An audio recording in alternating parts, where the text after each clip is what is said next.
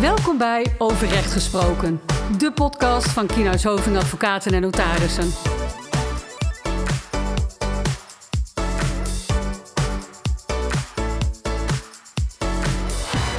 Welkom, welkom bij een nieuwe aflevering van Over Recht Gesproken. Wij zitten vandaag weer in de podcaststudio in, Kina, in het pand van Kienhuis Hoving. En wie, Ja. zijn, en wie zijn wij? Ah, Tom. Ik ben Imke. Ah, Imke, ik ben Tom. Tom, is mooi. Ja, nou vertel even wie je bent Ja, en mijn, wat je doet. mijn naam is Imke Linsen. Eh, ik ben advocaat arbeidsrecht. Eh, en vandaag gaan we een mooie podcast opnemen, volgens mij. Zeker. Mijn naam is Tom Proveit en ik ben ook advocaat arbeidsrecht eh, bij Kienhuis Hoving. Eh, en we zitten vandaag weer gezellig aan de podcasttafel. Staat je stille modus aan? Mijn st- ja, dat was even een discussie vooraf natuurlijk. Hè. Imke die schijnt nogal last te hebben van de tekst aan en uit. Hè, hoe moet je dat nou eigenlijk interpreteren? Mooi, als je jurist bent ga je overal over nadenken. Ik denk dat dat misschien wel het probleem is. Ik wil mijn geluid uitzetten. Ja, en dat is dus, dus de stille modus aan. Heel lastig. Nee, dat is niet lastig. Maar dat is, het- dat is het verhaal gewoon. Ja. Dus nou ja, goed, Goed. Dat, is, dat, is, dat is het verhaal. Maar, maar hoe is het verder met je? ja, het gaat goed. Ja? Ik ben lekker van het mooie weer genoten afgelopen weekend. Mooi. En, eh, Bijzonderheden? nou, Geen Eh, bijzonderheden. Één iets heel bijzonders. Oh. En dat is mijn promotie komt eraan. Hoppa! Hoppa. Lekker! Eindelijk. Is het boek de gedrukt? Acht jaar zwoegen. Oh. Bijna acht jaar. Buffel of niet? Buffelen. Maar dan is het resultaat ook daar. Ja, Ligt het boek nu bij de drukker? Ja, het ligt bij de druk. Geweldig. Ja. Super. Het is out of your hands. Ja, Je kunt er niets niks meer meer aan aan doen. Nee. Nou, mooi. Leuk. Voor de, voor de luisteraar, ik ben bezig met een... eh, of nee, ik heb de afgelopen jaren bezig geweest met een promotieonderzoek. Ja. En dat heb ik dus net uit handen gegeven. 31 mei volgt nog de verdediging, maar dan eh, is het echt afgerond. Maar je, daar, wij zijn daarbij, maar ik ga daarvoor liggen, dat snap je. Je Ik ga hele moeilijke vragen stellen. Jammer Tom, die mogelijkheid bestaat er niet. Oei, jammer. Maar jammer. misschien kunnen we nog een keer een mooie podcast erover Oh, is dan mag je eh, je moeilijke vragen Dat is ook leuk. Dat is ook. Nou, waar jij met promotieonderzoeken bezig be- bent, ben ik bezig met het uitzoeken van een basisschool voor mijn zoontje. Dus dat is ook top. Ja, het- ieder, ieder zijn ding. Dus ik mocht vanochtend eerst eens even lekker eh, bij een basisschool in Wierden eh, kijken.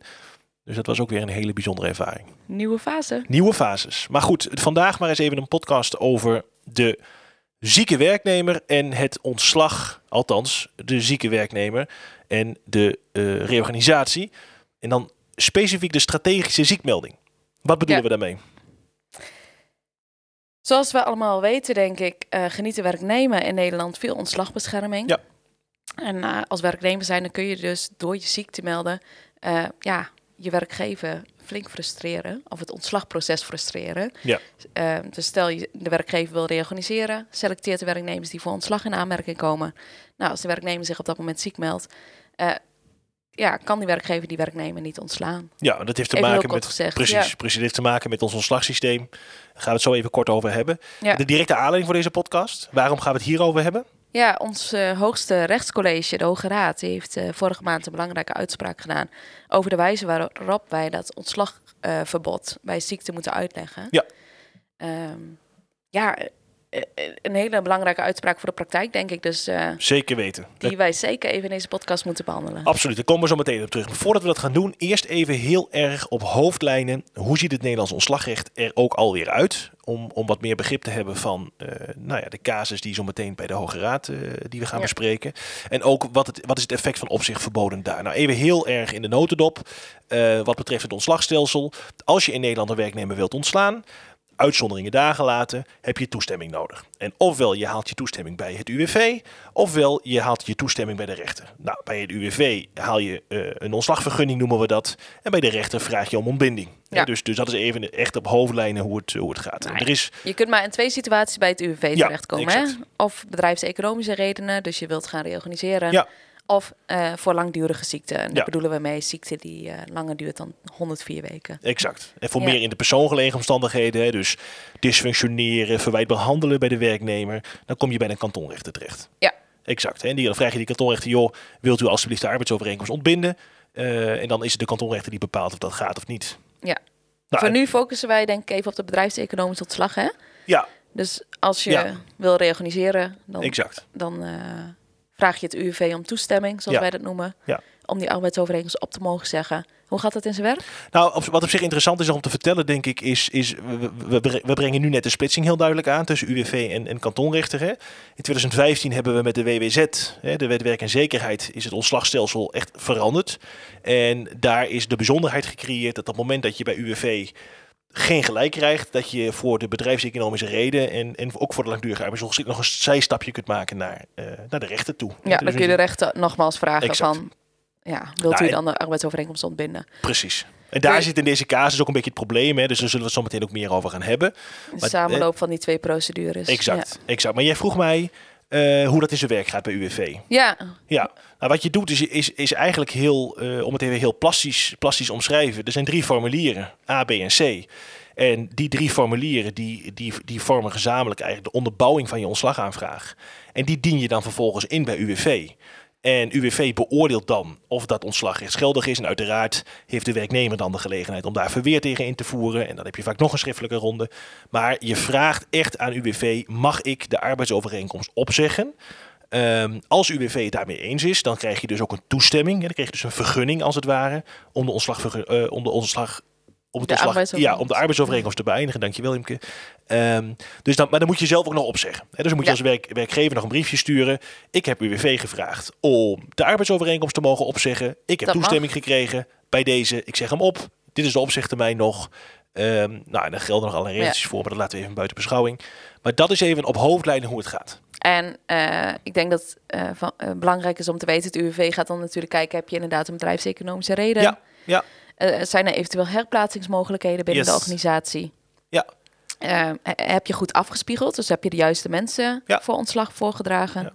Dat gaat op basis van leeftijd in bepaalde categorieën. Zeker, er zijn allemaal regels voor, helemaal uitgeschreven hoe dat gaat, dat Gaan we niet selectieproces. over hebben. Ja, nee, maar wel heel interessant, maar, eh, maar zeker. En vervolgens, die laatste stap, gaat het UWV ook kijken. eh, gelden er eventueel opzegverboden hier? Exact. En dan kom je dus bij het thema opzegverboden. Dus we hebben nu het ontslagstelsel in die zin even op hoofdlijnen behandeld.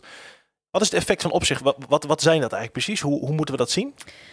De naam zegt het denk ik al. Het is eh, als een opzegverbod van toepassing is, mag de werkgever die arbeidsovereenkomst niet opzeggen. Nee. En wij pikken hier nou nu even dat opzegverbod eh, tijdens ziekte eruit. Dus dat wil zeggen dat de werkgever kan gewoon gedurende 104 weken die arbeidsovereenkomst eh, niet opzeggen. Nee. Nee, Exact. En daar gelden ook nog allerlei andere opzegverboden in de wet. ja. Hè, die zijn allemaal netjes opgezomd ehm, en, en hier en daar verspreid. Maar hoofdregel is, het is ter bescherming van de werknemer opgenomen. Je kunt dan niet opzeggen. Betekent dan wel dat je dan kunt ontbinden? Nee, inderdaad. De opzegverboden gelden ook. eh, de, of de rechter is eigenlijk ook gehouden aan die eh, opzegverboden. Dus die kan de arbeidsovereenkomst ook niet ontbinden. Of dat is de hoofdregel. Gelden hier en daar wat uitzonderingen. Ehm, ja, dat is zo in de wet neergelegd. Ja, dus hoofdlijn is als er een opzegverbod geldt, bijvoorbeeld het opzegverbod bij ziekte, dan kan je dus in principe niet ontslaan. Nee. Dan zeggen we het even heel erg gechargeerd, maar dat is wel een beetje Ja. de, de hoofdlijn die we even moeten, moeten vastpakken. En dat op zichzelf genomen zorgt soms dus voor problemen, want strategische ziekmelding. Ja, in de praktijk eh, kwam het voor, dat is al een eh, fenomeen wat veel langer speelt natuurlijk, ehm, dat de me- werknemer zich ziek meldt. Die gaat lichtvaardig met zo'n ziekmelding om. Ehm, en die kan op die manier zo'n ehm, reorganisatie frustreren. En we weten allemaal, eh, misschien jij als luisteraar ook wel, wel mee te maken gehad in de praktijk, dat ook als een werknemer zich om strategische redenen ziek meldt, ja, dan is het best nog wel een hele klus om eh, daar adequaat mee om te gaan. Hè? Dan de bedrijfsarts in te schakelen op hele korte termijn. Dan moet daar vervolgens ook nog een oordeel uitkomen waar je wat mee kunt. Eh daar heb je misschien nog weer de mogelijkheid van allerlei deskundige oordelen. Dus, dus ook strategische ziekmeldingen kunnen gewoon erg frustrerend zijn. Ook gewoon Ja. tijd, ook tijdsro tijdsrovend zijn. Hè? Ik denk dat dat Vaak het is het niet zo dat je bedrijfsarts oproept die Nee. vervolgens gelijk vaststelt deze werknemer is niet ziek. Nee. Dat, dat heb ik in de praktijk nog nooit voorbij zien komen. exact. Maar goed, de, de, de, wer- de wetgever, de wetgever heeft dat op zich wel gezien, dat Ja. probleem van strategisch ziek melden. En heeft daar ook nou ja, een faciliteit voor opgenomen. En die faciliteit is dat als jij als werkgever wilt reorganiseren, dat kan om allerlei redenen zijn. Hè? Dat hoeft niet per se financieel slecht te gaan, maar je kunt ook misschien gewoon een efficiëntere organisatie willen bouwen. Maar je wilt reorganiseren en je gaat dus het UWV vragen om toestemming om de arbeidsovereenkomst op te mogen zeggen. Dan kan een werknemer zich daarna nog wel ziek melden, maar heeft het eigenlijk geen effect meer. Hè, Ja. Dus, dus het, wat, wat in de wet staat is, een, een ziekmelding, het, het opzegverbod geldt eigenlijk niet als de ziekmelding heeft plaatsgevonden nadat je het verzoek hebt gedaan bij UWV om te mogen opzeggen. En dat is dus echt puur vanuit, ja, eh, vanuit het eh, belang. Of nou ja, om te voorkomen dat de werknemer zo'n ontslagproces kan frustreren. Exact. Nou, en dat, dat zie je eigenlijk, zo'nzelfde bepaling zie je ook in de ontbindingsprocedure. Hè. Ook daar heeft een ziekmelding geen effect meer als het ontbindingsverzoek eenmaal is ontvangen door de Ja. rechter. Dus de wetgever heeft daar goed over nagedacht voor beide procedures afzonderlijk. Yes. Maar waar de wetgever niet over heeft nagedacht, is dat eh, de werkgever, nou ja, per 1 juli 2015, je noemde het net al Ja, even, ja. eh, voor bedrijfseconomisch ontslag eerst naar het UWV kan. En als het UWV afwijst, vervolgens een ontbindingsverzoek bij de rechter kan indienen. Yes.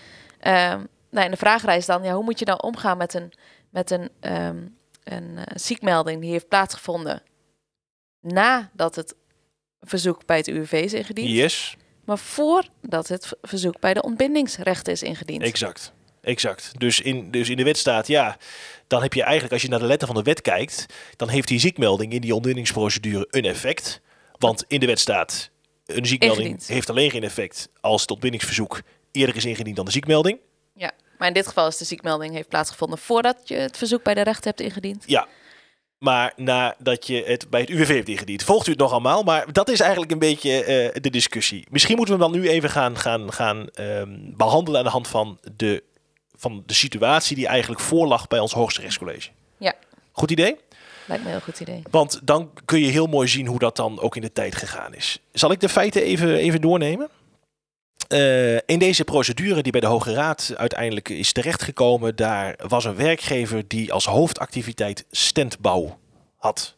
Nou, je kunt je voorstellen dat het in coronatijd met alle evenementen niet zo goed ging. En dat ook het bouwen van stands niet echt, nou ja, veel gevraagd werd. En we hebben hier te maken met een werknemer die als standbouwer daar ook werkzaam is. En ja, nu die standbouwactiviteiten zijn weggevallen, dacht die werkgever op een gegeven moment in juni 2020: ik ga toch maar eens aan het UWV vragen of ik de arbeidsovereenkomst van deze werknemer mag opzeggen. Nou, dat is denk ik duidelijk. Hè? Dus, dus deze werkgever die dient zijn formulieren in bij het UWV, A, B en C. Dit is een werknemer en hij is standbouwer. Ik heb geen standbouwactiviteiten meer. Dus ik wil graag van mijn werknemer af. Ja. Nou, duidelijk verhaal toch? Het UWV wijst af. Wat Yes. precies de reden is, is ons niet bekend. Hè? Nee, Dus- staat, niet in de, staat inderdaad niet in de uitspraak. Nee. Maar waarschijnlijk kon het UWV zich niet in de bedrijfseconomische reden vinden of iets dergelijks. Nee, nou ja, precies. Dat zullen we, dan, zullen we dan helaas nooit weten. Maar feit is wel, het UWV heeft op 1 oktober 2020, 1 oktober 2020, dat verzoek afgewezen. Ja. Dus je krijgt geen toestemming, meneer de Nee. werkgever. En wat gebeurt er dan? De werknemer meldt zich vervolgens ziek. Ja, medio oktober. Dus nadat het verzoek door het UWV is afgewezen, Ja. meldt de werknemer zich ziek. En de bedrijfsarts zegt, hij echt ziek. Ja. Tenminste, ik acht hem Arbeidsongeschikt. arbeidsongeschikt wegens ziekte. Ja. Ze zullen nooit zeggen hij echt ziek, maar, maar dat is even de, het, het, Ja. het, het oordeel. Oké, Maar die werkgever die denkt, ja shit, ik moet toch van die werknemer af, want ik heb geen werkzaamheden meer. Eh, dus die dient een eh, verzoek in bij de kantonrechter tot ontbinding van die arbeidsovereenkomst. die maakt dus gebruik van die mogelijkheid die is geïntroduceerd om een zijstapje te maken naar de rechter. Oké, UWV vindt van niet, ik vind van wel, ik ga het maar aan de rechter voorleggen. Ja, dus de rechter, ja, geef je mening hier nog eens over. Exact. Ja. En dat doet hij in november 2020. Dus, De ziekmelding vindt plaats voordat het verzoek tot ontbinding is ingediend. exact. Dus hoofdregel, zoals het in de wet staat. In principe geldt het opzegverbod tijdens ziekte dan. Exact. Dus we hebben hier dus te maken met een geval van een ziekmelding na het verzoek om toestemming UWV voor ontbindingsverzoek. Ja. Dus echt, valt er precies Ja. tussenin dit ontbindingsverzoek. Dus naar de letter van de wet geldt het opzegverbod. Maar ik denk dat iedereen wel aanvoelt. Ja, dat is een beetje eh, Niet zo fijn. vervelend. Ja, Pakt vervelend uit voor die werkgever. Ja. En op deze manier kan de werknemer dus alsnog dat ontslag frustreren. ja en dat- en dat zag je ook bij de kantonrechter. Hè? Dus, dus stel je nou voor dat deze werknemer, eh, excuses, deze werkgever, gewoon een goede bedrijfseconomische reden heeft om die werknemer te ontslaan. En het UWV ziet dat gewoon anders. En die zegt ik doe het niet. Maar de kantonrechter vindt dat het wel kan. Op inhoudelijke gronden. Ja. Ja, dan zit je hier toch met een probleem. Dan, als, dan, dan zou je als werkgever denken, ja, maar als UWV het goed had gedaan, dan zat ik nu niet met een zieke werknemer. Nee. Hè, dat is eigenlijk de, nou ja, het gevoel dat dan opkomt. En Ja. daar zit ook direct het probleem. Ja, en met name als je die procedure bij eh, de rechter ook een soort als eh herkansingsfunctie ziet. Ja. Eh, Van, ja, buig je nog eens over deze vraag? Is dit inderdaad een bedrijfseconomische reden? Heeft het UWV het goed gedaan? Ja. Ja, dan kan dat heel vervelend uitpakken en eh is leiden heel- tot onbegrip, denk ik. Exact. En wat je hier dus ook ziet is dat de kantonrechter, want daar kom je dan terecht als werkgever zijnde, helemaal niet toekomt aan die inhoudelijke beoordeling eigenlijk van die bedrijfseconomische reden. Maar die zegt, ja, in de wet staat dat zieke werknemers ontslagbescherming hebben. Er staat ook in de wet dat ehm, ja, het opzegverbod alleen niet geldt als de werknemer zich heeft ziek gemeld nadat u het ontbindingsverzoek heeft ingediend, meneer de werkgever. Maar dat zie je niet. Dat is hier niet het geval. Oh. Dus ja, ik, ik, ik, kan niet ik ontbinden. kan niet ontbinden. Dus we stoppen erbij. Nou, en dan vindt er iets moois plaats eigenlijk, hè? Cassatie in het belang der wet, zeggen we dat dan? Want hierover bestond, over deze vraag van geldt het opzegverbod nu wel of niet, bestond veel discussie in de literatuur. Ook in de rechtspraak. In Ja. de rechtspraak Ja. ook. Dus ehm, ja, en in dat geval kan er dus cassatie in het belang van de wet worden ingesteld. Puur om duidelijkheid te krijgen over deze vraag. Hoe moeten we hier nu mee omgaan in de praktijk? Ja, en even heel, misschien is het goed om even kort die, die twee stromingen die als het ware bestonden hè, in literatuur en rechtspraak even heel kort toe te lichten. Want, want die, die zijn er namelijk. Hè? Ja, de een, één stroming is, het zijn twee zelfstandige procedures die je gewoon helemaal los moet zien van elkaar. Ja. En in dat geval valt er dus ook wel iets te zeggen voor het oordeel van de kantonrechter. Dat is ook die kantonrechter volgt ook die stroming. Ja, ja. En die zegt, ja, dit is gewoon een zelfstandige procedure die niets te maken heeft met die eerdere procedure die bij het U- UWV plaatsvond. Exact. Eh, dus in dat geval geldt gewoon de hoofdregel. eh ziekmelding vond plaats voordat het verzoek is ingediend. Dus opzegverbod. Die werknemer geniet ontslagbescherming. Exact. Dus jammer, de bammer. Jammer de bammer. Ja, ja en, en de andere stroming zegt, nou, je moet daar wel iets genuanceerder naar kijken. Eigenlijk is die, heeft, heeft die, die recht, hè, die, die ontbindingsprocedure echt de herkansingsfunctie. Het voelt een beetje vreemd dat als je achteraf toch een, eigenlijk gelijk lijkt te krijgen, want daar komt het toch een beetje op neer. Als er wel een ontbinding wordt uitgesproken, dan, dan heb je als werkgever had je toch wel een goed verhaal. Dat je dan alsnog ja, op basis van die latere ziekmelding eh, ja, niet kunt ontslaan of niet kunt ontbinden. Dat voelt Nee. een beetje wrang. Hè? Ja. En, en eh, nou, daar werd heel formeel naar gekeken.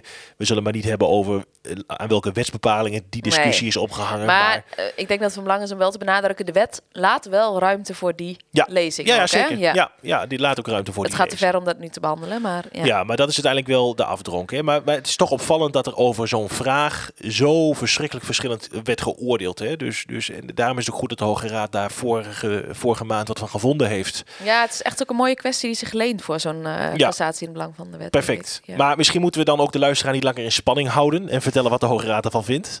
Eh, dus over exact deze vraag zegt de Hoge Raad het volgende. De Hoge Raad zegt, als je eerst bij het UWV bent geweest en een ziekmelding heeft plaatsgevonden nadat het verzoek bij het UWV is ingediend, Ja, dan geniet die werknemer eh, geen ontslagbescherming Exact. in de ontbindingsprocedure. exact. Dus kantonrechter, je hebt het fout gedaan. Dus eh, de Hoge Raad volgt eigenlijk de tweede stroming die we net bespraken. De Hoge Raad zegt, joh, het, het, het is eigenlijk maar vreemd dat je dus als werkgever de dupe wordt van het feit dat UWV niet goed is gedaan. En dan zeg ik het weer heel vrij vertaald. Ja. Hè, want daar komt het dan eigenlijk feitelijk op neer. En die procedures liggen toch wel zo in elkaars verlengde dat ja. Als dat ontslag, ontslagverbod bij de, bij de UWV-procedure niet geldt, dat ook niet geldt in de ontbindingsprocedure. Nee, exact. Hè. En nu zie je hier heel duidelijk ook de bedrijfseconomische koppeling. Eh, we kunnen ook nog, Ja. we kunnen het ook nog gaan hebben over, ja, wat nou als je dan nog een andere ontslaggrond en zo gaat aanvoeren. Maar dat voert wel een beetje te ver voor deze, voor deze Ja. podcast. Maar het is wel goed om te weten dat je als werkgever, als een werknemer zich dus om strategische redenen ziek meldt, nadat je het verzoek bij het UWV hebt gedaan om de arbeidsovereenkomst te mogen opzeggen, dat je in principe in die procedure die daarna nog volgt, stel UWV geeft je geen gelijk, geeft je geen gelijk, je gaat naar de rechter, dat moet binnen twee maanden overigens, hè, dan moet je, dat is echt een korte termijn, je moet direct gas geven, Eh, dan geniet de werknemer nog steeds geen ontslagbescherming. Nee. Dus dat opzichtbod, Dat dat, zijpelt als het ware Ja. door in die vervolgprocedure. Dus, wat betekent dit? Wat is eh, onze tip? Nou ja, wat heel belangrijk is, en dat is voor de praktijk gewoon heel erg belangrijk, is als jij als werkgever een reorganisatie wilt doorvoeren, een bedrijfseconomische reden hebt, dat je voordat je het gesprek aangaat met je werknemers, eerst het verzoek om toestemming bij UWV neerlegt. Ja, Want dat is het moment waarop getoetst wordt of er uiteindelijk een opzegverbod gold. Ja, en het is wel van belang, eh, want ik kan me voorstellen dat je denkt, ja, moet ik dat dan nu eerst allemaal gaan uitzoeken voordat ik met die werknemers in gesprek ga? En moet ik dan de hele onderbouwing al geven? Nee, dat hoeft niet, want het mooie is, uh, die ontslagaanvraag bestaat uit drie delen. Ja. We noemden het net al even, Ja. deel A, deel B en deel C. Waarbij pas eigenlijk deel C echt de onderbou- onderbouwing is van Yes. de ontslagaanvraag. Ja. Van jouw bedrijfseconomische reden. Ehm, dat je ook alleen deel A vast in kunt dienen. En deel A is eigenlijk niet meer dan de gegevens van de werkgever. Nee. Eh, als ik het goed zeg. hè? Ja, een gegevens, werk, gegevens werkgever, gegevens werknemer, dat er een bedrijfseconomische reden is. Maar, maar geen enkele onderbouwing is nog Nee. noodzakelijk in, die eerste, in het eerste formulier. We noemen het ook wel een soort pro forma verzoekje. Hè, je, je, heel formeel. ja, je- gegevens. dat is het. Ja. Je faxt of je, of je mailt. Ja, wij faxen nog wel eens, dat is heel mooi. Maar je mailt een eh, formuliertje naar UWV. eh, en, en dan krijg je netjes een datumstempel. En dan weet je dus ook wanneer die is ingediend. En pas daarna ga je het gesprek met de werk, werk, werknemer aan. Ja. En dan vraag je vaak ook, want dat is dan de praktijk, bij het indienen van formulier A.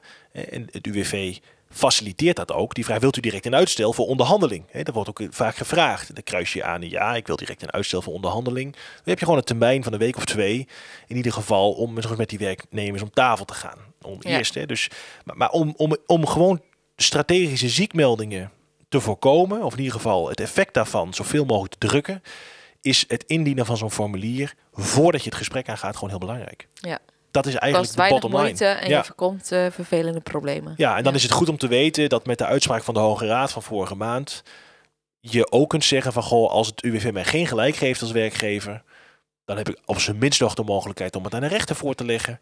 En dan kan ik in ieder geval zeggen, hey, ik was toen op tijd, jij was te laat met je ziekmelding, meneer de werknemer, en dat ben je nu nog steeds, want die ontbindingsprocedure is een verlengstuk van de UWV-procedure. En dus geniet de werknemer geen ontslag. Geen ontslagbescherming. Nou, Mooi. dat was hem denk ik toch, of niet? Want dat is de recap van, eh, Ja. van, van de Hoge Raad eh, uitspraak. Goed om te weten dat dit, eh, dat dit zo werkt. Mooie uitspraak. Leuk Zeker. gesprek. Ja, nou, dankjewel. was erg gezellig. Nou, fijn, het was heel gezellig. Nee, zeker, het was heel gezellig. Ik, ik hoop, wij hopen natuurlijk dat jij het ook, ook een goed gesprek vond en, en, en dat je er wat van opgestoken hebt. Wij vinden het heel tof als je een review achterlaat voor over onze podcast. Eh, dat mag uiteraard via de mail, podcast.kineshoving.nl. Maar dat kan ook eh, via Instagram, het overrecht gesproken bijvoorbeeld. Ehm, en je mag ons ook altijd een review geven in de favoriete podcast app. Want we zijn overal wel zo'n beetje te vinden. Toch?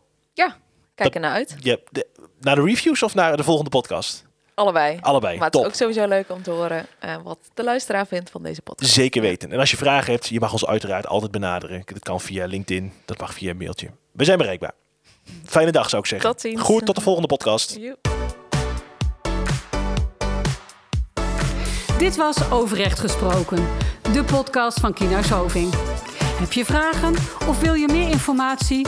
Stuur dan een e-mail naar podcast.kienhuishoving.nl Wil je niets missen? Abonneer je dan op onze podcast via jouw favoriete podcast-app.